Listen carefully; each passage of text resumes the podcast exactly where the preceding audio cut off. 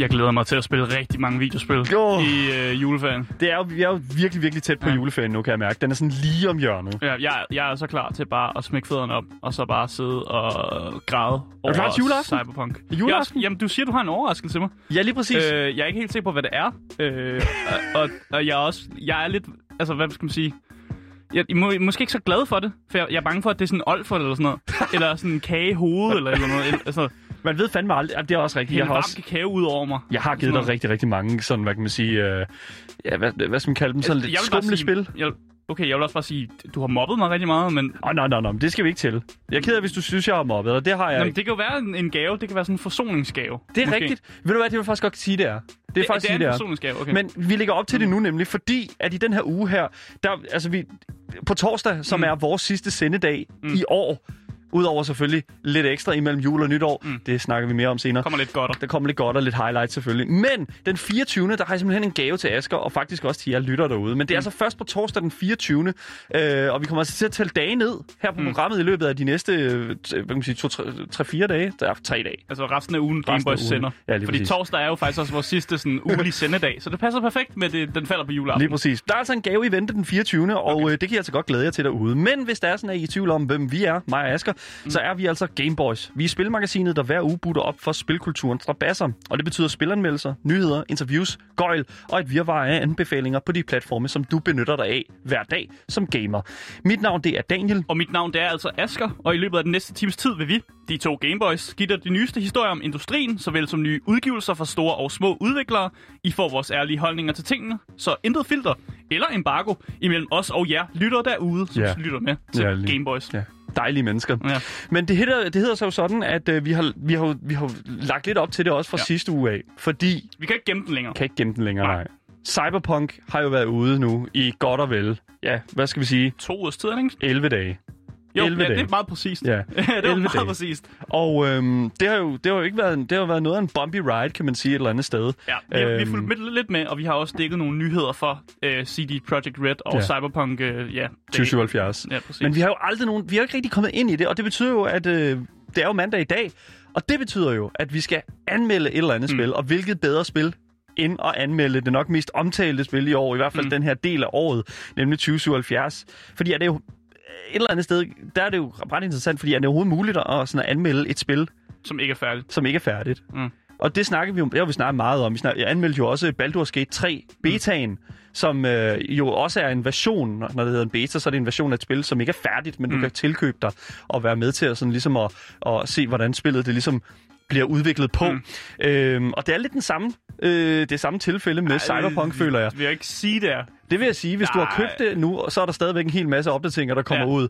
Det er et ufærdigt spil, som er i gang med Bortset at fra- blive lavet. Bortset fra, at med Baldur's Gate, der blev vi jo ikke solgt en idé om, at det her var et færdigt spil. Mm. Der blev solgt en idé om, at I kan hjælpe med at være med i betaen, og hjælpe med ligesom at, develop, øh, at få developersne i gang med at lave features til spillet. Ja. Her er det bare, hey, vi har et færdigt spil. Nej. Nej, nej, det har I ikke. Nej, I det er har. Keanu Reeves står inde i en væg et eller andet sted. Det er måske også mest en ønsketænkning fra min side af, kan Ja. man sige. Øhm, men jeg har glædet mig sindssygt meget til i dag, fordi at, at jeg føler, at nu har du og jeg... Nu skal vi. Vi skal til det. Vi har spillet så meget Cyberpunk, at mm. vi, det nærmest står ud af begge ender på os. Så det er simpelthen... Det bliver vanvittigt, og det bliver meget interessant, fordi kan man overhovedet anmelde spil, der crasher ko- konstant på konsol, eller har i hvert fald gjort Mm. det i løbet af de sidste 11 dage? Altså, jeg siger næsten nej, men nu gør vi det alligevel. Nu ser vi på det. Jeg glæder mig sindssygt meget til at snakke om det. Men øh, jeg synes også bare, øh, ingen nyheder, intet som helst. Det her det er den største nyhed at anmelde mm. det, det mest omtalte spil, Cyberpunk 2077. Lad os bare gå ned i det. CD Projekt Red, Cyberpunk 2077.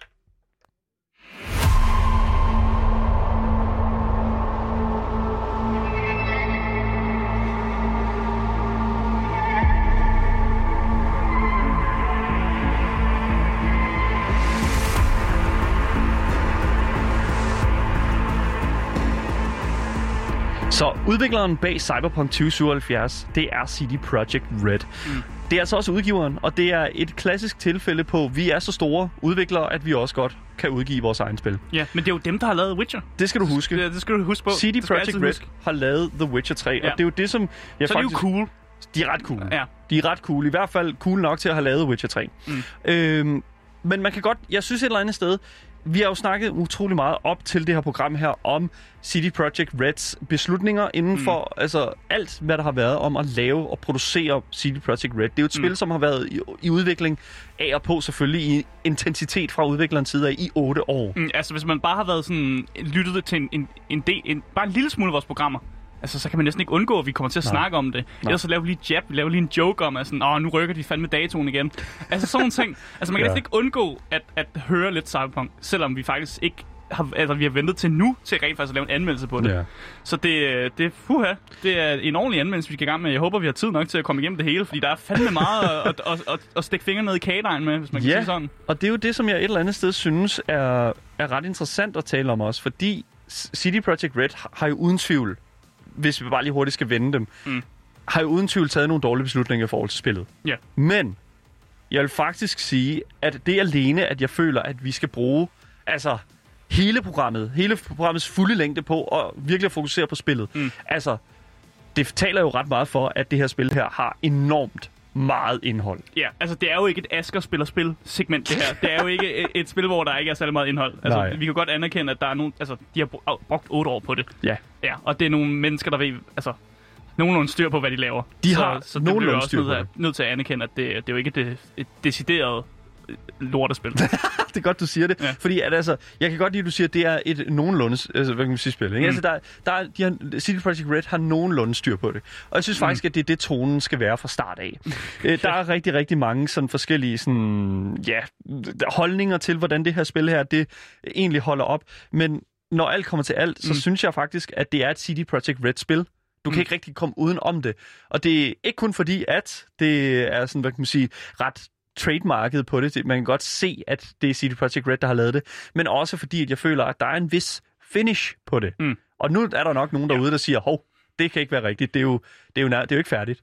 Jeg, jeg, tager, jeg er helt enig med dig, fordi man kan godt mærke, at det der med kærlighed for historien, som er også en ting, man ser i Witcher-serien, at der virkelig er, de har virkelig, altså, de har styr på deres materiale, og de har styr på referencer, de skal lave til forskellige ting, som virkelig griber om en god historie. Mm. Og, og det er faktisk også det bedste i spillet. Øh, Det er jo historien. Og så er der nogle andre ting, som så, ja, Ja, ikke er så fucking gode. Så i dagens anmeldelse, der skal vi simpelthen kigge nærmere på øh, for eksempel gameplay. Mm. Det er en ret stor del af anmeldelsen, fordi der er rigtig, rigtig meget af det i Cyberpunk 2077. Vi skal også kigge på øh, narrativet, Mm. historien, kvaliteten af det, og give en lille, hvad kan man sige... Øh, ja, en, hvad kan man sige, en mellemanmeldelse på mange af de karakterer, øh, lidt en analysedel af det, mm. på de karakterer, som øh, vi, hovedpersonen i Cyberpunk 2077, støder på igennem spillet. Øh, for der er nogle stykker af dem, og øh, altså, man kan jo sige, vi kommer selvfølgelig til det, men det er altså også en del af spillet, som jeg føler virkelig er blevet nailet. Mm. Vi skal også kigge nærmere på det visuelle og lydmæssige design af spillet, fordi det er ekstremt fremtrædende i Cyberpunk 2077. Mm. Så det glæder jeg mig utrolig meget til. Og så slutter vi selvfølgelig lidt af med en sammensluttende konklusion. Mm. Der er ikke så meget øh, mange ben i den her, hvad kan man sige, den her analyse, eller anmeldelse, vil jeg jo nok nærmere kalde det. Øh, Udover selvfølgelig, at vi skal passe lidt på, hvad vi siger i forhold til, om øh, Jeg har ikke hvordan, på. hvad, hvordan spillet ser ud lige nu, fordi det ændrer sig jo nok. Det gør det, men vi bliver også nødt til at tage det fra, at det er kommet ud nu, og nu bliver vi nødt til at anmelde det, som det er. Vi har endda ventet øh, næsten to uger, så vi kunne være, få de der, den sidste patch derind, og jeg nåede lige at opleve noget af patchen, øh, før vi har mødt på arbejde her mandag. Ja. Men øh, altså, min Playstation crasher ikke længere, men det, øh, ja, Ja, det ser meget mere om det. Meget mere om det senere. Lad os kigge lidt på genren her, fordi øh, genren siger jo øh, en, øh, en open world RPG. Mm. Øh, og selvfølgelig er der også en lille smule sci-fi og selvfølgelig cyberpunk, sjovt nok, Mm. ergo navnet, øh, æstetik i spillet. Men lad os kigge lidt Mm. nærmere på nogle af de her sådan RPG og open world aspekter af spillet.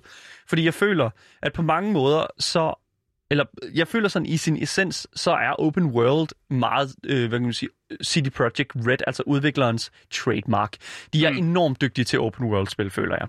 Øhm, Ja, men nu synes jeg heller ikke, at det føles ikke så meget open world, som jeg gerne vil have det føles. What? Er det rigtigt? Ja, og det er jo fordi, jeg blev ved med at, at, at, at, at drage sådan mod GTA, og hvor meget open world det er. Når du ikke spiller en mission, eller når du ikke er i gang med noget i Night City, så føles det faktisk ikke særlig meget open world-agtigt. What? og det er fordi, når man, jamen, i GTA, der kan du lave de her wild car chases med politiet og sådan noget. Det er bare ikke det samme i Cyberpunk. Det er ikke, øh, det er ikke så udførligt. Den måde, folk øh, reagerer på NPC'er, bare sådan folk, der går rundt på gaden, de reagerer til forskellige ting, der foregår, er bare urealistiske. Øh, når du, altså, det, det føles bare ikke på samme måde, og når man skyder forskellige ting, så altså, den feedback, der er i, i mange af de ting, der foregår, er bare ikke god. Så det føles ikke open world, medmindre du faktisk er i gang med at lave en mission. Det er sjovt, du siger det, fordi jeg føler virkelig, at når at der er de der afbræk imellem missionerne, så mm. bliver du selvfølgelig givet ansvaret for at holde momentumet kørende. Og jeg føler, at open world delen af Cyberpunk 2077 har en enormt stor altså tilstedeværelse, når du netop får det ansvar. Jeg føler virkelig, at efter at du, lad os lige sige, at du lige har lavet en, en, en, en stor main quest, mm. altså den her sådan hoveddel af historien. Og øh, nu er der lige lidt et afbræk, hvor du, ligesom for eksempel i Spider-Man-spillene, hvor der er sådan, at du også har lavet, så, så er der lige sådan, Spider-Man siger til dig sådan, øh, oh, jeg må hellere lige øh, komme ud af, få rystet, øh, de, rystet den mission af mig, jeg må nok hellere mm. lige øh, tage på patrulje. Og det føler jeg meget, sådan i hvert fald i, i mit playthrough, det der med sådan bare og sådan, Nå, så er det en sidemission tid nu. Jamen, det er jo også det, jeg mener. Jeg mener, fordi de har, de har ikke, der er ikke nok open world, og derfor har de klottet hele verden med side missions. Så mm. du altid har en mission at klare, og det er jo det, jeg mener, at når du så ikke er en side mission, og ikke er en main mission, så er der ikke noget. Øh, og som person, som mig, som er sådan en person, der spiller alle side missionsne, ligesom har de fjernet fra kortet, mm så er der ikke mere. Og så føles det bare tomt. Jeg vil ja. ikke kunne få rundt på samme måde, som jeg ville i GTA, hvor man bare kan begynde at skyde nogen, så kommer politiet efter, og så fucker du rundt på den måde, ikke? Og kaste nogle granater rundt og sådan noget. Du ved, sådan som man nu gør det. altså, jeg ved ikke, altså jeg føler virkelig, at det her er RPG-element, der kommer ind, og jeg tror mm. også, det er det, der gør forskellen imellem GTA og selvfølgelig øh, Cyberpunk 2077, fordi at i GTA, der har du ikke det der RPG-element. Du har ikke rigtig den der sådan progression, mm. udover selvfølgelig ja, det ved jeg ikke. I, de gamle GTA-spil var der jo meget det der med sådan workout. Altså, du kan godt ja, ja. lave dine stats om, og athletics og sådan noget. Og men, du kan godt få bedre skills i GTA også. Ja, men ja. igen, altså, jeg føler lidt, at det er med et andet, det er med en, et andet mål. Mm. Hvor at i Cyberpunk har du en, en meget mere klar sådan, fornemmelse af, du bliver nødt til at putte nogle ting ind i de her skill trees, du bliver nødt til at, øh, når du leveler op, øh, du bliver nødt til at levele op for det første, mm. og simpelthen altså, få nogle point i de der ting der, som kan gøre dig bedre, fordi ellers så klarer du den fandme ikke. Mm. Og det synes jeg, sådan er det ikke med GTA for eksempel. Og det er derfor, at jeg føler, at ansvaret et eller andet sted er dit, når du får det der afbræk der, til at stadigvæk progresse, til at stadigvæk at få dig selv, altså din karakter frem i spillet. Ja, og det gør du ved at tage side missions. Ja, lige præcis. Det er jo det, jeg men mener. Når det, der ikke jeg mener, når der ikke er side missions, mand. men det er jo det, der er med side missions. Altså så, ja, eller det er jo det, der er med sådan den open world. Fordi mm. så, okay, fair nok, nu er det tid til at øh, opdatere mit fucking cyberware, eller nu er det tid til at... Altså det er jo det der med sådan et RPG-spil, så er det jo det der med sådan at finde... Fordi det er et role-playing game. Det er mm. jo det der med at finde din karakteres drift. Ikke? Altså din karakteres drivkraft. Og det er jo tit og ofte level up, klar noget crime, få styr på de cyberware. Mm. Altså de her små, sådan, hvad kan man sige, management-dele af spillet. Men det føler jeg ikke er særlig meget roleplay-agtigt. Jeg føler, det føler mig jeg meget Jeg roleplay. føler mig ikke særlig role, altså jo, roleplay-agtig måde på den måde, at jeg føler mig lidt som en Batman, fordi jeg går rundt med en wrench og bare begynder at bonk folk. Det er jo Bum. ret meget Batmans-agtigt at prøve at, at ikke at slå med ihjel. wrench? Hvornår ja. har du nogensinde set Batman med en fucking... Jamen, det er jo, jeg går non-lethal, og det er åbenbart er wrenchen non-lethal. Ja, det selvfølgelig, ikke... du bunker dem bare. Ja, præcis, jeg går rundt og bunker dem og sådan noget, men det er jo stadig meget sådan, åh, jeg ser nogen lave en crimes, jeg går bare over og bunker dem alle sammen, og så tager jeg videre derfra. Der er ikke så meget roleplaying, der foregår der. Jeg synes, at de taler meget for også det. meget det der med, at man bliver kontaktet af en, de har fixer, og så siger, hey, gå ind og stjæl den her. Og så kan man bare lade være med at stå, bare løbe ind, bunke dem alle sammen, stjæle tingene, komme ud igen, og så fikse sådan, hey, nice, well done. Og så man, man har ikke fået så meget ud af det. Det er mere sådan, åh, oh, ja, nu har jeg gjort det. Fedt. Men du får jo det der street cred ud af det. Jeg får street cred, nu jeg, jeg har 50 i street cred. Ja. Og det gjorde jeg, fordi jeg gennemførte alle side missionsne i det mm. første område med vej i, og så blev mm. man fucking 50 street cred meget hurtigt. Ja. Og så er der stadig vildt mange ting at gøre, men jeg er fuld street cred. Nu taler vi meget omkring nogle ting, som er en, en del, yes. ikke, er en del af et meget lidt... større et meget større mm. virke. Mm. Jeg bliver også meget pumped up, så jeg bliver lidt vred. Du det bliver lidt vred.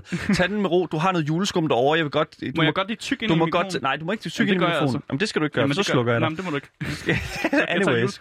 Så det der er med i forhold til øh, øh i forhold til sådan sci-fi og altså sådan cyberpunk æstetik. Jeg synes det er sjovt at de har brugt hele den der sådan cyberpunk og bare brugt deres sådan brugt sådan den æstetik ligesom steampunk og den slags. Bare brugt det som deres fucking altså sådan det er det vi er. Vi er cyberpunk. Og så selvfølgelig årstallet. Og det er bare det er så simpelt. Øh, men der er også en lille curse jeg føler der der hænger fast her nemlig fordi at jeg havde en samtale med vores øh, gode ven og også øh, regulær, øh, semi-regulær gæst på programmet, Eskil Lykke, som er vores World of Warcraft-ekspert, og han øh, kom faktisk med en rigtig, rigtig glimrende pointe om, at man skal lade være med at øh, kalde sin spil noget som helst inden for øh, 70'erne. Øh, fordi vi havde jo Fallout 76, Ja, og nu har vi, show. ja, som var fyldt med box, var øh, nærmest ugenkendeligt for mm. hele Fallout-franchisen. Kæmpe failure. Og så har vi nu Cyberpunk 2077. Så hvis der Stop kommer... Hvis der, med- så hvis uh, GTA uh, 78 kommer ud, så skal vi ikke købe det. Skal ikke købe det. Nej. Det GTA 78, og det foregår i, øh, i slutningen af 70'erne. Lad være med at købe det. Ja. Lad være at jeg købe kan det. godt, Foregår. øh, Ikke- godt se, at der er en cursed her, vi skal holde os fra. Lige præcis. Men øhm, det er sådan, hvad kan man sige, øh, det er rent introducerende til vores anmeldelse af Cyberpunk 2077. Nu føler jeg, at vi kan gå lidt mere mm. ind, fordi vi har jo allerede øh, berørt en lille smule af det. Nu skal vi nemlig kigge lidt nærmere på det, som, øh, ja, jeg vil sige er det fedeste, nemlig gameplay i Cyberpunk 2077.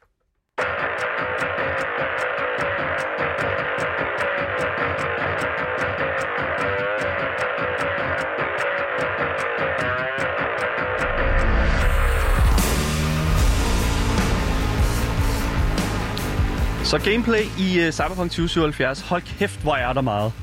Ja, altså der er, en hel, der er i hvert fald nok ting at lave, det er helt sikkert. Det er der. Øh, og der er noget for alle, alle afskygninger og alle former for gamer, hvis man skal sige sådan. Ja. Fordi vi har jo spillet pænt meget forskelligt, går jeg ud fra. Nu Ja. ikke, du har ikke fortalt så meget om, at du er meget stealthy, er du ikke? Jeg er øh, lidt en blanding. Lidt blanding, okay. øh, af nogle forskellige ting, øh, men det kommer vi til. Fordi at jeg vil faktisk godt starte lidt i det store perspektiv. Mm. Jeg kunne godt tænke mig at starte lidt med at kigge på altså Night City. Ja, altså byen, som Cyberpunk foregår i. Fordi Night City er jo altså uden tvivl fyldt med missioner og grumme mennesker og folk, der er i nød og, øh, og selvfølgelig masser af gøjl. Ja, lige næsten bare beskrive det som. bare en masse fucking fyld. Og Ja. det er aldrig kedeligt at køre rundt i Night City, synes jeg. Det synes jeg netop, det er. Ja, men det, Når man du ikke er mission, så er det kedeligt. Ja, men. Ja. jeg føler i sig selv, at Night City er så dynamisk en organisme i sig selv. Altså, den er næsten lige så teknologisk, som din karakter er det, som indbyggerne mm. er det. Det er sådan den her mærkelige symbiose imellem altså de her cybernetics, som alle folk her har, eller de her implants, som folk har. Falske øjne, mm. øh, hvad ved jeg, falske arme. Altså, skifte sit skelet. ja, proteser, Ja, ja, ja. ja. altså whatever. Bare altså, hug armen af og få nogle nye. Ja, lige præcis. Altså, jeg føler, at på samme måde som at indbyggerne er fyldt med øh, de her sådan implants, mm. så har du ligesom byen, som også er blevet fuldstændig kittet op med, altså, så de vildeste fucking gangbruger over hinanden, og mm. øh, sådan, du er til, så står du bare og kigger rundt og siger, hvor fanden er jeg? Ikke? Jeg føler tit, at jeg, når jeg kommer til et sted, jeg bare kører rundt for eksempel til en mission, eller jeg øh, skal hen til en Ripperdog og have udskiftet nogle ting inden i mig, mm. så føler jeg sådan lidt sådan, har jeg været her før? Mm. Jeg føler konstant, at der er sådan en, en, en følelse af sådan, her, her har jeg sgu da ikke været før. Og det er det, der gør, at sådan, det kan godt være, at jeg har det, men illusionen om, at at, at illusionen har været der før, Ja, ja. er, er, Ja. gør sindssygt meget for at holde Night City enormt stor inde i mit hoved. Mm. Øhm, men en anden ting, som jeg også virkelig har brug for lige sådan at understrege, det er simpelthen, at Night City er simpelthen fyldt med altså, så mange missioner og easter eggs. Mm. Og Asger, du talte jo lidt omkring det her med sådan sidemissioner og hovedmissioner og den Ja. slags. Altså, jeg har været rigtig meget på opdagelse efter Easter eggs. Ja. Det, øh, det er sådan en ting, jeg elsker at gøre. Mm. Øh, at finde referencer og sådan noget. Hvad er et easter egg? Øh, først og fremmest et easter egg, det er jo bare en... Altså, jeg vil bare beskrive det som en reference. Ja. Det er en reference til et andet spil, en anden film, et andet univers. Øh, og så, når man finder den, så er det sådan et, en ting, som developerne har set sådan, har, vi kan måske også godt lide Harry Potter, og så putter de noget Harry Potter-inspireret ind i deres spil, for at øh, folk så kan finde det og være sådan et... Kun hvis man kender til også til Harry Potter, så Ja. forstår man det. Hvis man ikke gør det, så gør det jo ikke noget for gameplayet. Så Nej. er det bare lidt sådan... Det skulle helst ikke ødelægge det, men det gør ikke noget for det. Og jeg ved, at der er en hel masse Hideo Kojima-stof i uh, Night City. Og det var også derfor, jeg blev fucking glad, da jeg kunne finde selv manden Ja. i fucking verden. Og Hideo Kojima, altså Hideo Asger, du er nødt til at forklare, Ja. hvem helvede er Hideo Kojima? Altså, Hideo Kojima er en... Jeg vil næsten sige, på mig er han i hvert fald en legendarisk sådan, game maker. Altså Ja. en spillellaver. Øh, og han lavet Silent Hill-spillene. Øh, han lavet Metal Gear Solid, men han har også lavet et spil, der hedder Death Stranding, som er et af mit næsten på min all-time favorite liste over Ja. ja. spil, faktisk. Mm. Mm. Og det var der, hvor jeg rigtig blev forelsket i ham, begyndte at følge ham på Instagram, og så, at han var mega øh, nørdet med film og sådan noget, og så tænker man, han er bare, vi to, vi er sådan her klikker. Og han er jo en alt mulig mand et Ja, eller andet præcis. sted. Han er jo simpelthen fan. Hvad var det, han sagde? 80% af hans krop er lavet af film. Jamen, det tror jeg på. Altså, han er fan af nærmest alting, som har, altså sådan, som føles øh, gennemtænkt, føler mm. jeg Mm. sådan lidt. Han, han, ja. Han har et filter selvfølgelig, men jeg, han er jo han er simpelthen ham her, øh, Hideo Kojima, simpelthen at finde inde i verdenen. Mm. Det skulle efter sigende også være muligt at finde Elon Musk et eller andet sted. Vi ja, ved det ikke. er et rygte, jeg har Ja, hørt. det er et rygte. Vi har ikke, der er ingen, der har fundet ham endnu, tror jeg. Jeg har prøvet at søge lidt på det. Mm. Jeg tror ikke, der er nogen, der har fundet ham endnu. Jeg håber, han kommer frem, fordi han er altså... Det kunne være grinerne at finde altså, Ja. vores tids altså, innovative øh, nyskaber inde i Cyberpunk. Men altså, grund til, at folk siger det, det er, fordi Grimes, sangeren Grimes, har lavet en sang, som er med ja. i Cyberpunk, og så har folk jo lavet den association af, som Elon Musk også er med, fordi Grimes er jo en musiker i universet, og mm. derfor må Elon Musk også eksistere. Og der er også nogle små... Ja. Han har også været gift med Grimes, det skal ja, lige siges. præcis. Hvis er han er stadig, er det. stadig. Ja, det er godt, hvad han er. Undskyld. Ja, ja, ja. Der er også nogle referencer til nogle månebaser og sådan noget, hvor ja. jeg tænker sådan, det, det giver da mening, at måske har Elon Musk noget med de her Mars-baser at gøre, som bliver refereret lidt til i spillet. Så det kan, det kan være, at han, han dukker op et eller andet sted. En anden øh, øh, hvad kan man sige, karakter fra, et andet, øh, hvad kan man sige, fra en anden del af popkulturen øh, dukker jo også op, fordi mm. at øh, den kære Jesse Cox, som er både YouTuber og Twitch-streamer og øh, hvad kan man sige, meget aktuel i gaming, øh, øh, gamingkulturen, mm. så blandt andet også en, øh, en, en del af treparten af øh, podcasten, der hedder The Corruptional Podcast, tilbage da øh, den sindssygt dygtige øh, hvad kan man sige, games-kommentator mm. Total Biscuit, John Bain, han stadig var i live, øh, der lavede de ligesom den her podcast, og det var der, jeg ligesom lærte ham her, Jesse Cox, at kende. Mm. Og han er simpelthen at finde i spillet, både altså ligesom Hideo Kojima, scannet ind nærmest, øh, mm. øh, ligner fuldstændig Jesse Cox, øh, og øh, han er lidt i en knibe, fordi at øh, han har fået... Øh, han har fået omskiftet en ret så essentiel del af øh, hans krop. Øh, mere nærmere... Øh, Sin næse? Øh, nej. Nej, okay. øh, det, der er mellem benene, har han fået lavet øh, med en protese nu. Og, oh, den, og du mener hans penis? yes, ja. og den er begyndt at, at skabe problemer, og det er det, det er fantastisk. Ja. Han ringer, du møder ham på gaden, eller også ringer du ham op.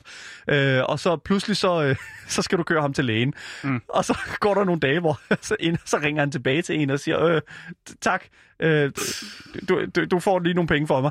Og det, det, ja. det, det, det, er så, det er så lidt, og det er fantastisk. Ja. Når ens penis 3000 ikke virker, så, øh, så skal han jo hjælp til den. så skal man have lavet det om. Ja. Øh, en anden person, som også dukker op, eller en person skulle jeg nærmere sige, GLaDOS fra Portal-spillene er også at finde. Ja. Øh, en af taxierne fra den her, det her uh, taxikompani Delmain, som er styret af en AI, mm. øh, sådan artificial intelligence, kører de her ubemandede taxier rundt omkring i Night City, øh, og du hjælper så den her AI med at finde nogle af de her taxier, som er øh, løbet, ja. løbet løbsk ja, ja. i byen. Og øh, en af de her taxier er vidderligt bare glatters. Ja. Det giver ingen mening, men det er bare glatters. Det er, min... det er så mærkeligt. Det er ret sjovt. Ja, det er meget sjovt, fordi det er også en AI nemlig mm. i uh, Portal-spillene, altså Valves fantastiske uh, puzzle games Portal.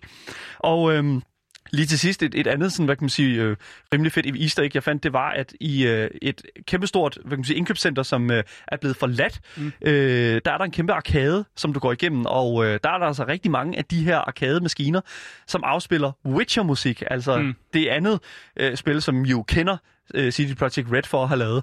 Det, ja, det er bare sådan en lille ting, det dukker op. Det har ikke noget, altså det, der er på skærmen, har ikke noget med Witcher at gøre. Mm. Men det er bare sådan lidt sjovt at se. Det er lidt ligesom i Overwatch at ja, se Warcraft. Øh, og nu siger du, det ikke har noget med Witcher at gøre, men der er alligevel et arkadespil, som hedder Roach Rage. Ja. Road, Roach Race, hvor det er ligesom Roach er, Race. hvor det er øh, øh, altså hesten fra ja. The Witcher-spillene, Men altså det, som man kan styre. Ja, lige præcis. Men det er meget sjovt. Jeg synes, det, det er sådan en lille, lille, lille ting, mm. som jeg synes, der, der, ja, der bare pryder sådan lige, det er sådan kvali, øh, sådan undertonen af det. Og det er jo også lige for at minde os om, at det er jo CD Projekt Red, der har lavet Witcher 3. Anyways. tak for at sige det igen. det skal, vi skal fandme huske det. Mm. Men jeg synes, vi skal gå lidt ind i øh, missionerne. Mm. Og øh, den måde, som man kan man sige, de bliver præsenteret for en. Fordi rigtig meget af øh, hvad kan man sige, kommunikationen i Cyberpunk foregår over din telefon. Mm. Eller dit, hvad kan man sige, jeg tror, du har et telefon implant. Ja, altså den måde, de gør missionen på, den kan jeg bare meget godt lide.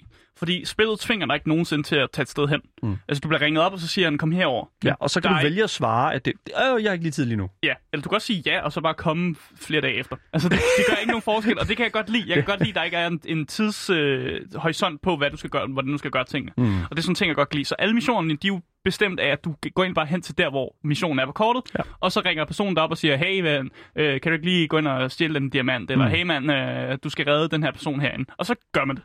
Ja, lige præcis.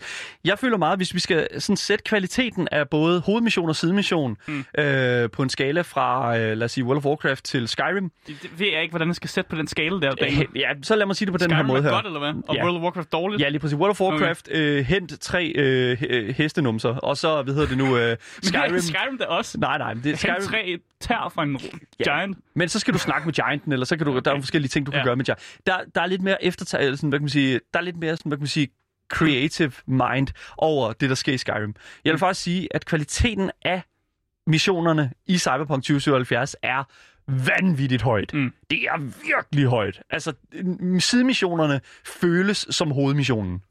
Ja, en gang imellem. Øh, mange af dem er også, er også lidt bland, synes jeg. Øh, Altså, der er jo de her, hvor du bare skal hen og, hvad kan man sige, beat nogen op. Ja, præcis. Det kan også noget. Ja, men det kan noget Når du har de her gule, som, øh, gule på, på mappet, altså de her udråbstegn her, som er sidemission, altså der føler jeg, at når du så laver dem, så er det for eksempel, øh, der er en popstjerne, en kendt popstjerne, som bare har, har brug for din hjælp, Mm. øh, og det er anonymt, fordi hun tror, at hendes kæreste er i gang med at, øh, at være hende utro. Mm. Og så skal du jo selvfølgelig finde ud af, om han er det, og så finder du ud af, at der ligesom er lidt mere under det. Det føles bare som om, det føles bare som om at du som at, at vi ligesom et eller andet sted bare altså konstant er involveret i de her kæmpe store sager. Ja, det giver, altså, de giver historie til mere, der eksisterer et univers udenom den karakter, du er. Præcis. Og det er altid godt for Ja. et uh, sådan narrative uh, synspunkt, når man Mm. tænker på den måde. Så det er i, det er en, en god måde at gøre det på. Jeg vil også lige sige, at der var en enkelt situation, hvor jeg virkelig sådan følte, at her, altså her kunne jeg virkelig selv tage valget Mm. om, hvordan og hvorledes, at jeg vil udføre den her mission. Fordi jeg, jeg, øh, jeg der, der er hende her, den, hvad kan man sige, den, den ældre japanske dame, øh, Wa- Wakalo. Wa- Wakaka, eller sådan... Wakalo. Nej, der er ikke ikke noget... det, hun? Nej, Er hun hedder Wakaka, eller sådan Waka- Wakana. Wakalo. Et eller andet hedder hun. Men hun, siger, hun beder dig om at hente en bil Mm. et sted. Og du kører, så går selvfølgelig derhen, og der er nogle skrumle typer, typer med bilen. Nå, så er det fint nok, jeg kører bare den her bil. Og mens du kører, så kan du høre, der er noget, der bare banker om fra bagagerummet af. Mm. Og nogen, der råber hjælp. Og så jeg, som i mit gode hjerte, går jo ud, at, og, går ud, og så går jeg hen til bagagerummet, og så står jeg lige og tænker lidt. Mm. Og så tænker jeg, det her det er simpelthen ikke mit problem. Nå, jeg lukkede ham ud. Ja, det er ikke mit problem, det der. Så jeg gik ind i bilen igen, og så kørte jeg hen til stedet, og så ringede hen her Wakanada, eller øh, hvordan vi aftalte hun hed, Mm. øh, og sagde, fantastisk gjort. Godt, du ikke stiller spørgsmål. Man kan altid regne med dig, det kan jeg mærke. Og jeg var bare sådan, fedt. Yes, Jeg yes, kan, jeg kan not fortælle, my problem. Jeg kan fortælle, at jeg lukkede ham ud, Ja. og det viser sig så, at det var sådan en Corpo-person, Ja. åbenbart. Øh, Altså en, en fyr fra corporations-siden Ja. af verden. Og han sagde, at hvis jeg slap ham ud, så ville han betale mig mere end øh, min tidligere arbejdsgiver. Ja. Og så var jeg sådan lidt, det, det lyder da helt, helt fint, og du skal selvfølgelig ikke sælges til en bande. Gud, det er så ikke jeg mit fik, problem. øh, jeg fik flere penge, og jeg slap en mand fri. Men igen, altså jeg har det sådan lidt... Det, det er jo sådan en ting, så der er med, med, med Cyberpunk. Det gengæld er, var han et corporate scum, så det... You know. Men det, der er med penge i Cyberpunk, det er jo, at jeg føler, at økonomien er... Altså, det er nemt at få fat i penge. Mm, det Det er det. fandme nede med nemt at finde penge i det her spil. Altså, hack de der maskiner. Ja. Det er sådan, jeg tjener penge. ja, Øh, og Find det dyr fungerer kunst. vildt godt. finde dyr kunst, mm. Og sætte det, sælge det til, øh, til butikkerne, købe det tilbage, og så sælge det igen. Ja, det forstår jeg simpelthen ikke, hvorfor det, ikke er, hvorfor det er en ting, man kan. Det er en fejl i spillet. Ja. Øh, det viser sig nemlig, Ligesom at der... de millionfejl, der er i spillet. Ja, lige præcis. Ja. Men det her det er altså en af de lidt, lidt mere sådan, alvorlige fejl, føler Mm. jeg, fordi det fuldstændig ødelægger økonomien i spillet. Fordi der er Mm. nemlig øh, et stort problem med, at der er et vist maleri, jeg skal nok lade være med at nævne missionen, så jeg ikke ødelægger det for nogen, men der er et vist maleri i spillet, som øh, du kan sælge øh, til en Ripperdoc eller hvilket som helst sted, og så øh, lukke butikken, gå ud af butikken, og så gå ind i butikken igen, og så kan du købe det tilbage for mindre. og sælge det igen. Ja, og det er altså meget mindre. Vi sælger det for 4.000, køber det for 5. Og det er virkelig, virkelig, mm. Det er skandaløst, og det burde virkelig blive fikset. Mm. Altså, en af de uh, sidemissioner, som jeg holder virkelig meget af, ja. det er, når man uh, får lov at snakke med Brendan. Uh, jeg ved ikke, om du har mødt Brendan. Øh, ja, Brent, nej, der er mange Nej. karakterer. Okay. Så. Brendan er en maskine, sodavandsmaskine, der kan snakke, Nice. og som er en øh, åbenbart en AI, som er blevet sat ind i en maskine, så den har personlighed, og så kommer folk hen og snakker med Brendan, og han er næsten blevet sådan næsten psykolog for de her mange mennesker, der har mange problemer.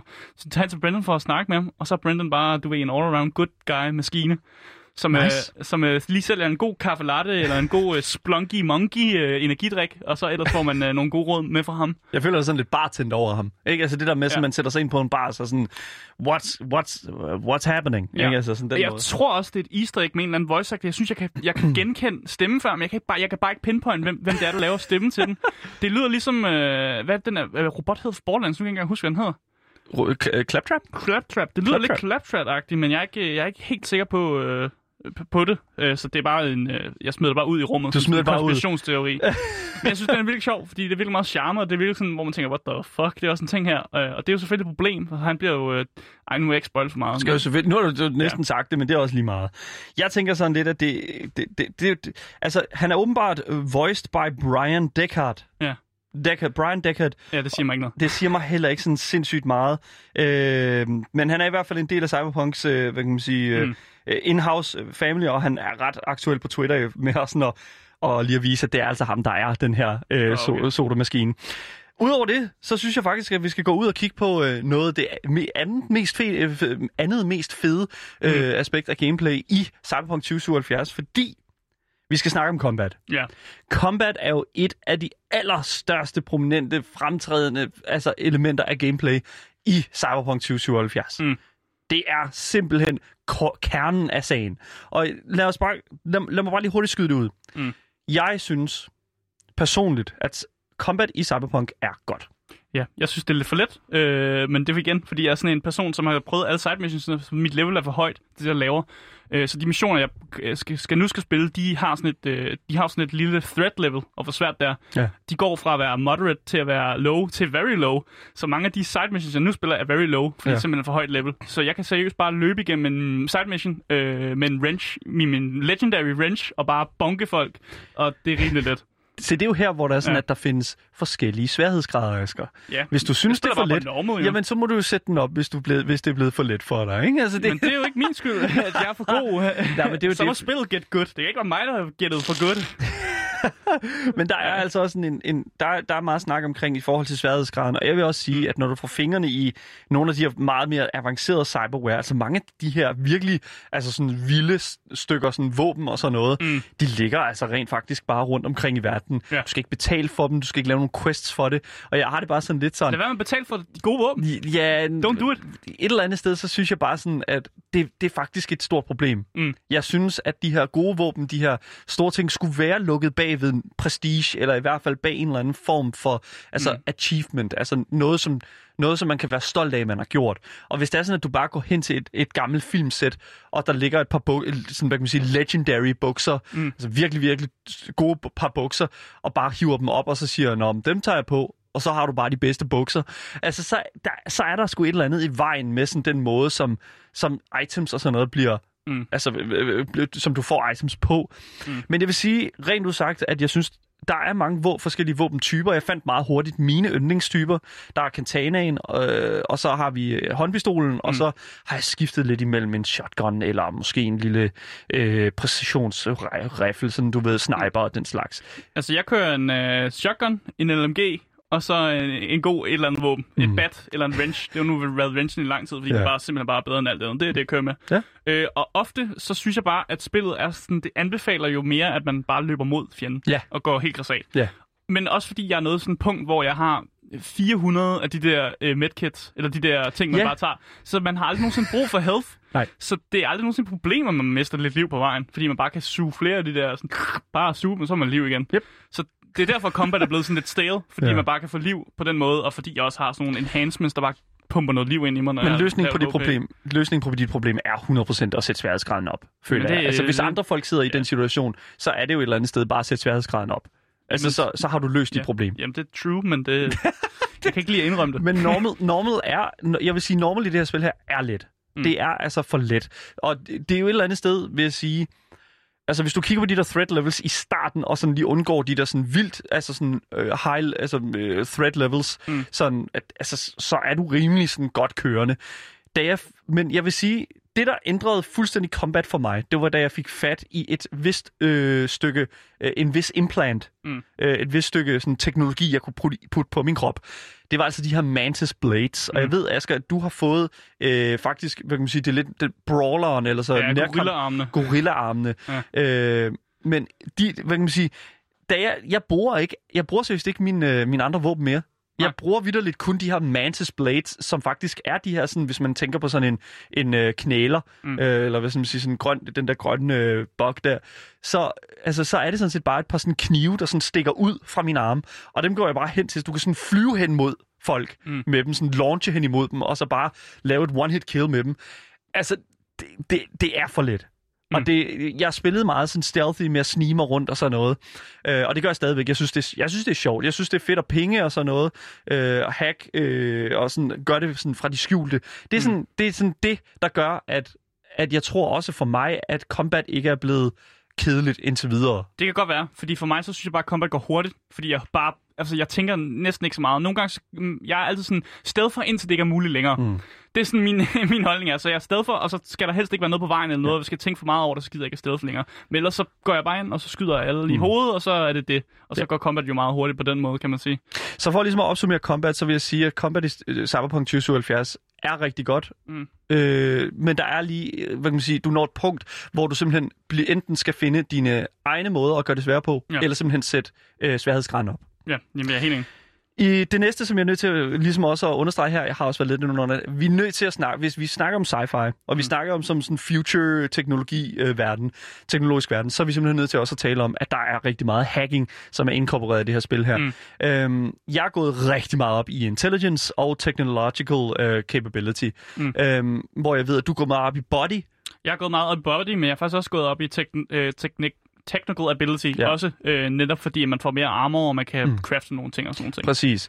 Og det gør jo, at øh, de her, det her skill tree, i, øh, altså sådan de her point, du får, når du leveler op, som du ligesom kan allokere ligesom på meget traditionel RPG-vis, mm. Øhm, de hænger ret meget godt sammen med for eksempel det her med at skal hacke ting. Og øhm, det kan være noget så simpelt, altså der er rigtig mange hacks i det her spil, Mm-hmm. øh, men det kan være noget så simpelt som øh, noget, en jeg har brugt rigtig meget, det er den, der hedder ping, øh, som øh, gør, at jeg kigger øh, fra, fra, min, fra mit skjul, kigger jeg på en person, som ikke har set mig, og så vælger jeg, så hacker jeg ham, mm. hans, altså hans implants, hans teknologi, der sidder i hans hoved, og så øh, kan jeg simpelthen se alle andre, der er koblet på det net, han er koblet på mm. I området. Så det er simpelthen alle fjender. Det er sådan en rigtig god måde, ligesom Batman øh, kan se igennem vægge og sådan noget. Ja. Så er det også mig, jeg kan sådan se, åh, oh, jeg sniger mig rundt. Hvor skal jeg undgå at gå hen, og hvor, hvem står med ryggen til mig? Mm. Det hjælper rigtig, rigtig meget. Og jeg, man kan også genstarte øh, ved nu, folks optics, altså deres øjne, mm. så de er blinde for, en, for et stykke tid, og så lige gå hen og lige lave et takedown på dem. Det, det fungerer rigtig, rigtig godt. Øh, det er det hacking, jeg bruger. Jeg ved ikke, hvad for noget hack du bruger. Jeg får deres hjerner til at smelte. Ja, selvfølgelig. Ja, så det er den, jeg bruger. Og så er der sådan en, hvor man kan få deres, øh, man kan få cybernetikken i deres arme til at, øh, ruste, Mm. så at alt det der rust, det løber ud i deres blod, så de får blodforgiftning. så de dør af sådan øh, af poison-skade. Ja. Det er ret voldsomt. Ja, det er Øh, jeg det. kan forstår ikke, hvorfor det er non-lethal. For det, det står som non-lethal, og de dør ikke af det. Men hold kæft, hvor det lyder rigtig smertefuldt og Mm. ikke så fedt at have med at gøre. Så glad for, at det ikke er mig. Ja, lige præcis. Øhm, kørsel. Vi er også nødt til at snakke omkring bilerne, vi er, mm. Fordi jeg vil gerne lige også hurtigt ind over, sådan, hvor fucking svedigt det er at køre i, i, i Night City. Mm. Indtil du kører galt. Indtil du kører galt. Jeg skulle lige til at sige det. De der animationer, den der physics, der er med at køre galt, den fungerer bare ikke Nej. overhovedet. det, det, altså jeg vil sige, når det kører, og du får styr på de der drift der, altså når Mm. du har fået købt en bil eller en motorcykel, som du føler dig komfortabel med at køre, så de der veje der, de bliver bare, fuck, du owner dem bare. Mm. Drift, driften sidder lige skabet, du får fuldstændig styr på at køre rundt på de her veje her. Problemet er bare, lige så snart, at du skal ud i ørkenen, så synes jeg bare, everything goes tits up. Holy shit, jeg synes, synes det var sjovere at køre i ørkenen Ej, i byen. Jeg, Jo, fordi jeg så var det bare sådan, rundt i den ørken. Jamen det er jo det, jeg synes, der er virkelig sjovt. Oh, Fuck it, man. Flyver bare rundt, og der er ikke nogen andre biler. Der, man kan køre, køre på vejene, man kan bare køre i det åbne landskab og sådan noget. Det synes jeg var meget fedt, end at køre ind i byen, ja. hvor, hvor det bare er sådan uh, fucking shit show, og når man kører ind i en anden bil, så er det bare sådan, det fungerer bare ikke. Altså, jeg kørte seriøst ind i en lastbil, og så endte jeg op med at være under lastbilen, og Ja. lastbilen var sådan om på mig, Ja, ja. og de, de du bukkede bare fuldstændig ud. op. De bukkede bare fuldstændig ud, indtil lastbilen forsvandt. Ja. Altså bare forsvandt fra jordens overflade. Mm. Altså, jeg ved det ikke. Jeg vil sige, der, jeg synes, kørsel fungerer sindssygt godt i det her spil. Det siger du, men jeg vil det sige, synes jeg det skal også, gør. nej, men det skal også lige understreges, at Ja. du og jeg, vi har, været, vi har spillet det her spil på forskellige platforme. Ja, men du synes ikke, det er clunky at køre rundt? Nej. Bare sådan generelt? Overhovedet ikke. Sådan at man føler, at man føler når, man, når man skal bremse ned, så føler jeg lidt, at jeg gør det for sent. Jeg føler altid, at jeg bremser for sent for at skulle tage et sving. Overhovedet ikke. What? Okay, jeg føler, det er vildt clunky. Overhovedet ikke. Jeg føler virkelig, at det er tight, og det er, altså, det er præ- præcist. Ja, det, jeg Ja, du tror, bliver nødt til lige at, tænde for GTA, og så vi, kan jeg vise dig, hvor, hvordan Jeg kørsel spillet rigtig meget burde være. GTA. Jamen, det er meget mere tight end det der. Nej, men det føler jeg ikke. Jeg tror at virkelig, at vi har spillet... I grund til, at du har spillet på PlayStation, jeg tror virkelig, at PlayStation har hængt rigtig meget med de der sådan, præcisionsting der.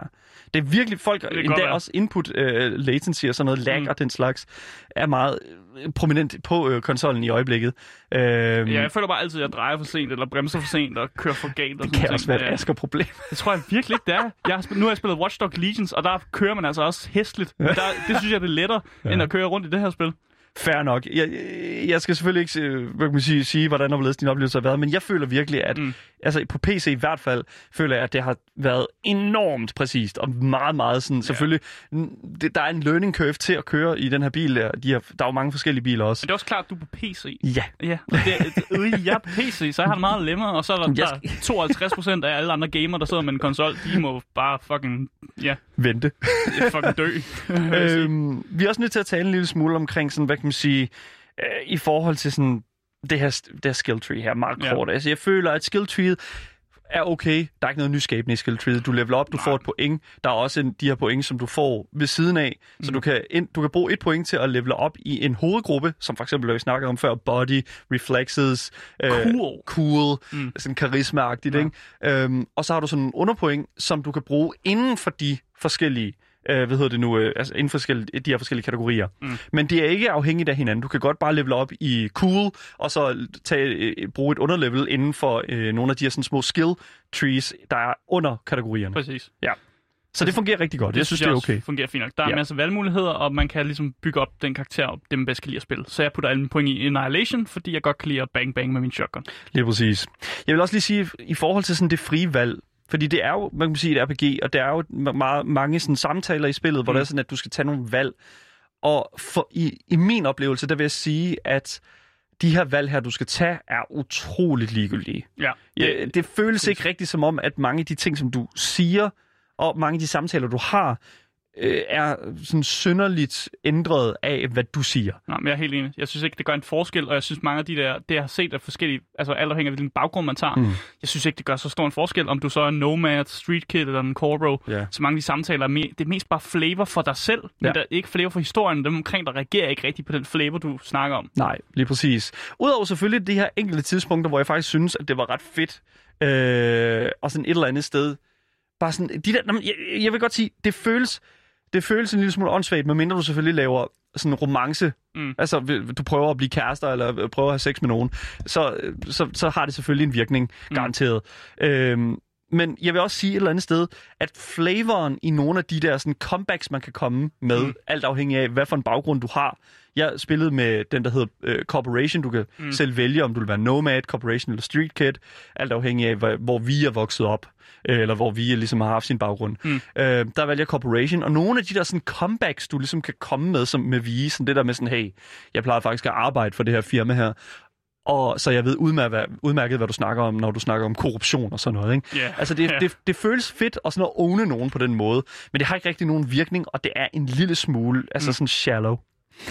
Men det skal også lige siges hurtigt, at der er utrolig mange bugs i Cyberpunk 2077. Oh, og, det, yeah. og det bliver vi også nødt til ligesom at understrege, føler jeg sådan her, at, at meget, jeg har spillet på PC og mm. har oplevet, oplevet utroligt få bugs. Ja. Altså utroligt få fejl i spillet. Hvor Asger har spillet i, øh, på PlayStation 4, mm. og simpelthen har øh, følt, at øh, du, du, har, du har simpelthen skidt. Ja. Øh, jeg tror, det er derfor, jeg er så negativ. For jeg tror bare, at ja. helhedsoplevelsen bliver bare meget værre, når det bare ikke fungerer. Og man kan bare ikke leve sig ind i en verden, som, mm. som bare ikke fungerer, selvom Nej. man gerne vil. Og jeg kan jo godt anerkende, at historien er god. Jeg kan godt anerkende, at der er detaljer, der bare fucking altså, sprøder og sådan noget.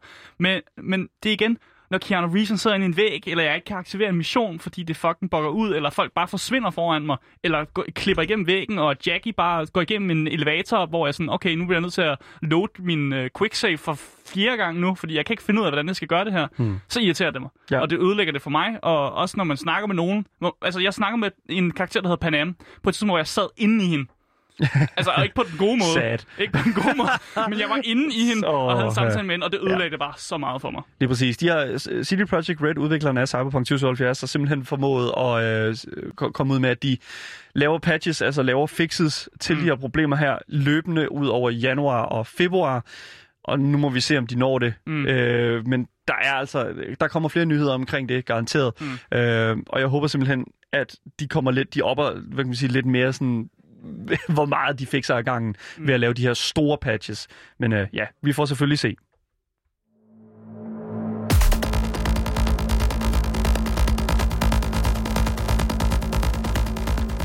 Jeg føler allerede, at vi har været lidt over, ind over det, men i forhold til historien og Mm. narrativet, så er vi også nødt til at lige at sige, at jeg føler, at alt afhængig af, hvilken baggrund du vælger i starten af spillet, så kommer hovedpersonen Vi fra et sted i eller omkring Night City. Enten så har du levet det fede liv i en høj korporations, øh, corporation stilling, eller opvokset i Night Citys gader, eller endda måske kørt ørkenen tynd Ja! med din Nomad Clan. Ja. Men tingene går altså ikke som forventet for vi i starten af spillet, og pludselig så skal vi altså kæmpe vores vej op igennem, hvad kan man sige, en fødekædens lag endnu en gang. Jackie Wells er den her trofaste kompagnon, som hjælper dig tilbage på benene, og før du og han ved af det, så befinder I jer altså begge i midten af et kæmpestort heist, øh, som der hurtigt ender med at gå galt. I skal nemlig stjæle en ukendt type mikrochip, som der bliver omtalt som den her Relic, fra en kæmpe enorm stor corporation, som hedder Arasaka Industries. Men efter at have set øh, noget, som ingen burde have set, så set, så befinder vi og Jackie sig i en klemme, hvor det her relic her ender op i hovedet på vi, der pludselig begynder at se Keanu Reeves' karakter i Cyberpunk 2077, nemlig Johnny Silverhand. I min optik så føler jeg, at historien er non-stop i gang i Night City, og selvom at der er til er nogen da- noget downtime, så føler jeg hurtigt, at det igen picker up the pace, hvis man skal sige. Øh, der er godt nogle afbræk øh, fra de større missioner, øh, men Night City er simpelthen konstant i problemer, føler jeg. Og øh, det er så her, hvad kan man sige, at du ligesom et eller andet sted skal gå ud og sige, hey, øh, er der et casual overfald i, bag, i en baggyde et eller andet sted, eller en popstjerne, som mangler din hjælp? Øh, jeg føler altid, at du har et eller andet for hænderne. Og Mm. øh, enten så er det ja, ved med, med til at, ligesom at vise sådan byens som man kan sige, bagside, eller gøre dig klar til at, ligesom at tage større ansvar på dig til nogle af de senere øh, kan man sige, opgaver, mm. som vi kommer på. Altså, jeg synes helt klart, at historien er at det, det er godt skrevet. Mm. Det er simpelthen, de har gjort det Ja. ja. pis godt, og det synes jeg simpelthen ikke, vi kan klandre. Øh, den måde, at Keanu Reeves karakter er implementeret, Johnny Silverhand, synes jeg er perfekt. Ja. Og jeg synes, den måde, det måde, de gør med karakter development, lidt udenom vi faktisk. Alle Ja. de andre karakterer udenom ham, og jeg synes ikke, vi er så perfekt. Men jeg synes, alle de andre karakterer rundt om ham gør det altså, pissegodt, og at den er en god verden. Det skal også lige siges, at Asger, du har spillet Vi som en mand, og jeg har spillet Vi som en kvinde, fordi ja. Ja. det kan du nemlig også i Cyberpunk. Mm. Øhm, der, der, er ikke stor for, der er ikke stor forskel på, om du spiller mand eller kvinde, fordi at du kan have en mandlig bygget krop, men du mm. kan stadigvæk have en øh, tidskone, øh, og du kan også have, være en kvindelig krop og have en tidsmand. Så det er lidt lige meget. Øh, og grund til at definere det, det er altså fordi, at det er noget, du kan justere, Ja. når du laver Vi i starten af spillet. Du kan ikke justere det efter, og det synes jeg er mærkeligt. I en Hvorfor verden, der ja. har cyber enhancement, så kan du ikke lave dit uh, appearance om. Men du så, hvordan det gik med uh, Jesse Cox. Det kan være, at vi skal passe lidt på med, hvordan og hvorledes. Hvorfor kan man ikke det? Der, der er selvfølgelig mange karakterer i spillet. Jackie Wells, som er den her, hvad kan man sige, øh, person, som hjælper dig på fødderne igen, efter at være blevet skidt ud af Night Cities, øh, hvad kan man sige, ret så øh, skumle baggyde. Øhm, der er selvfølgelig også Johnny Silverhand, Keanu Reeves'. Ja. fantastiske karakter, som... Han er jo egentlig faktisk anden hovedperson. Ja, det Kan vil vi jeg faktisk, jo, det? det vil jeg sige, for han ender op i dit hoved og har ja. en stor indflydelse på, hvad, altså, hvad kan man sige, hvordan spillets gang går. Mm. Så har du selvfølgelig Panam, som er den her awesome nomad outcast, som har utrolig stærk bånd til hendes tidligere klan. Øhm, hende skal du hjælpe med en hel masse ting, og jeg, hun er også en af de her romance options, mm. hvis det er, at du har valgt en mandlig krop. Det er meget vigtigt, fordi at det er nemlig, du kan ikke romance, øh, romance Panam, hvis du har en kvindelig krop. Mm. Sådan er det bare, det er der Det ikke er noget, hendes der ved. sexual preferences. Jamen, sådan er det jo, det kan vi ikke gøre noget ved. Øhm, men så har du så også, hvad kan man sige, Goro Takamura. Takamura, som er den her, øh, hvad kan man sige, han er jo nærmest den eneste, øh, hvad kan man sige, karakter eller andet sted, Han forstår det problem i hvert fald. som forstår dit problem, efter at have set det, du ikke skulle se under det her heist her. Mm. Han øh, redder faktisk dit liv, efter øh, at være blevet skudt i hovedet, og øh, lige pludselig så øh, bliver begge to involveret i det her sådan nærmest sådan... Øh, altså, hvad kan man sige, samarbejde om mm. at nå frem til sandheden og få øh, de rigtige skyldige øh, i øh, den her man sige, det her problem her mm. øh, til at bøde for deres sønner. Ja, der er også en her, der hedder Judy, som er hende her, som arbejder for en gruppe, som hedder The Mox, som egentlig er en gang, som beskytter øh, sexarbejdere, altså stripper og sexarbejdere. Hun er ekspert for det, der hedder øh, BD's, eller brain dances, som er sådan nogle briller, du kan tage på, og så ser du egentlig en, en sådan fucked up experience, eller du, du det er ligesom en virtual, virtual reality porn, eller virtual reality sådan thrill rides, Ja. hvis man kan sige sådan. Og det er hun sådan ekspert i og laver det. Øh, og hende synes jeg også er en glimrende karakter, og hende kan du altså romance, hvis du er øh, en kvindelig karakter med en kvindelig stemme. Ja, præcis. Så igen, det er hendes uh, sexual uh, preferences. Og det er de her karakterer, som jeg føler, der går rigtig, rigtig meget igen. Og som du siger, Asger, jeg føler, at det er vanvittigt godt udført. Mm. Der er sindssygt meget, altså hvad kan man sige, rum til ligesom at lave missioner for de her personer, mm. og at de konstant øh, har en ny historie at fortælle dig faktisk. Mm. Det eneste problem, jeg lige har en smule, det er altså nogen, noget af den dialog, som dukker op, når du er i combat. Det er meget det samme. Ja. Øh, hvis Ja, du sidder og gemmer dig, så er der en, ofte en person, der bare bliver ved med at sige, where are you? Og øh, blandt andet også, I'm gonna piss on your grave. Og jeg er ked at sige det, men det, det, det var sjovt de første Vi er 20 ikke kommet gange. længere end Skyrim her. Nej, det er vi virkelig ikke. Og det er også fair nok et eller andet sted. Men for at opsummere sådan, hvad kan man sige, historien, så vil jeg sige, at historiens hvad kan man sige, hoveddel fungerer enormt godt. Mm. Historien er super god, og du føler lidt den der klemme der, øh, og nogle af de der twist and turns, som vi oplever igennem historien, øh, virkelig, virkelig tæt på. Mm. Fordi at det er virkelig high og intens, øh, konstant, og det kan jeg sådan set rigtig, rigtig godt lide.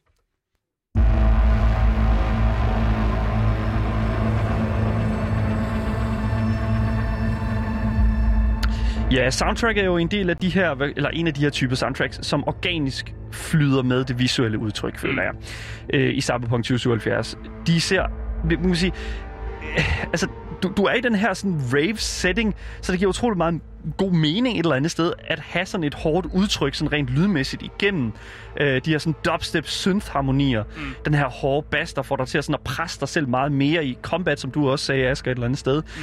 Du tager mange flere chancer i Cyberpunk 2077, end, du, end jeg føler, at man for eksempel gjorde det i Skyrim.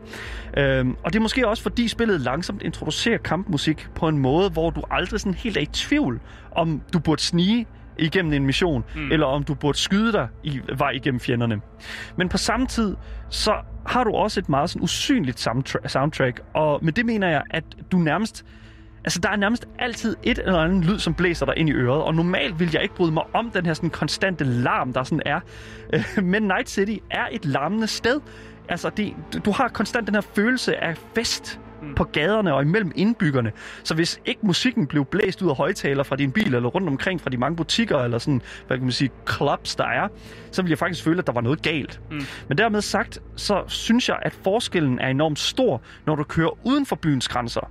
For her bliver du så mødt af ørkenens stillhed, kun af, uafbrudt af, eller afbrudt af øh, de her mange nomader, som racer rigtig godt rundt på sådan en rigtig god Mad Max-manér. Mm. Jeg er super glad for, hvordan soundtracket det øh, ligesom skifter, når man kæmper mod forskellige gangs. For eksempel, når man kig, øh, kæmper mod den her latino-gang, mm. så skifter det, det bliver meget med sådan en meksikansk udtryk. Ja. Og jeg bliver lidt overrasket over, fordi man har hørt den samme øh, musik, måske hvis man har klaret mange, mange side mission et sted. Og så lige pludselig klarer man side mission et andet sted, så hører man musikken skifter. Ja. Og det synes jeg er sindssygt godt, at den kan skifte i forhold til, hvem man kæmper mod. Ja. Og giver et andet sådan feel. Ja. Så det bliver meget mere sådan, åh, salsa-inspireret-agtigt. og det, det er jeg enormt fan af, at det skifter på den måde. Det er super fedt. Voice acting flytter sig ikke sådan super meget sådan i forhold... Altså, det flytter ikke særlig mange grænser, føler jeg. Men jeg synes faktisk, at der er super meget dybde i mange af de stemmer, du møder rundt omkring. Altså, og det, med det mener jeg sådan, at vi har sådan lidt... Altså, skuespillerne gør det fucking godt, mm. men jeg føler lidt, at, at der bliver ikke rigtig skubbet til nogle grænser her et eller andet sted. Eller det bliver skubbet til sådan... Alt er, som det skal være, føler jeg. Øh, Keanu Reeves spiller jo den her karismatiske Johnny Silverhand, og jeg føler faktisk, at mange af de replikker, som Keanu har i løbet af spillet, skifter mellem at være meget sådan to- totalt godt veludført, på grund af selvfølgelig hans store sådan, skuespillertalent, men så også at være en lille smule clunky, men det tror jeg sådan mere, at, at det, er sådan, ja, det, er, det er sådan lidt mere City Project Reds problem, føler jeg, end det er en Keanu-ting. Vi elsker dig, Keanu, sådan er det jo. øhm, det er helt rigtigt. ja, præcis. Der er noget, hvor man løfter nogle øjenbryn, og så andre gange, hvor man tænker, fuck, hvor er det vildt. Ja, lige præcis. Så uh, altså overall, så er der altså virkelig, virkelig meget at hente i altså, hvad kan man sige, øh, det lydmæssige og designmæssige udtryk i Cyberpunk 2077. Cyberpunk er nok det spil, som har mødt de fleste forvent- de største forventninger i de sidste otte år. Og øh, jeg vil bare sige, at for jer, der sådan har holdt lidt tilbage med at købe Cyberpunk, mm. så vil jeg bare sige, det er bestemt pengene værd. Det synes jeg nemlig ikke, der. Nej, og Lad det, være med at købe du konsol. lyt, ja lige præcis. Ja. Fordi det er pengene værd på PC. Det er mm. ikke pengene værd på PlayStation, og de har jo også fjernet det fra PlayStation Store, men du kan stadig købe det i nogle butikker. Mm. Så pas lige på der. Men hvis du spiller det på PC, så vil jeg sige, kæmpe, kæmpe, enorm stor anbefaling herfra, fordi der er virkelig meget altså kvalitet at finde i Cyberpunk 2077, mm. hvis du spiller det på PC. Hvis du spiller på konsol, ja. vent til februar. Lige præcis. Marts næsten. Og det, jeg vil sige, det konkluderer meget godt ja. vores øh, hvad kan man sige, anmeldelse af Cyberpunk 2077.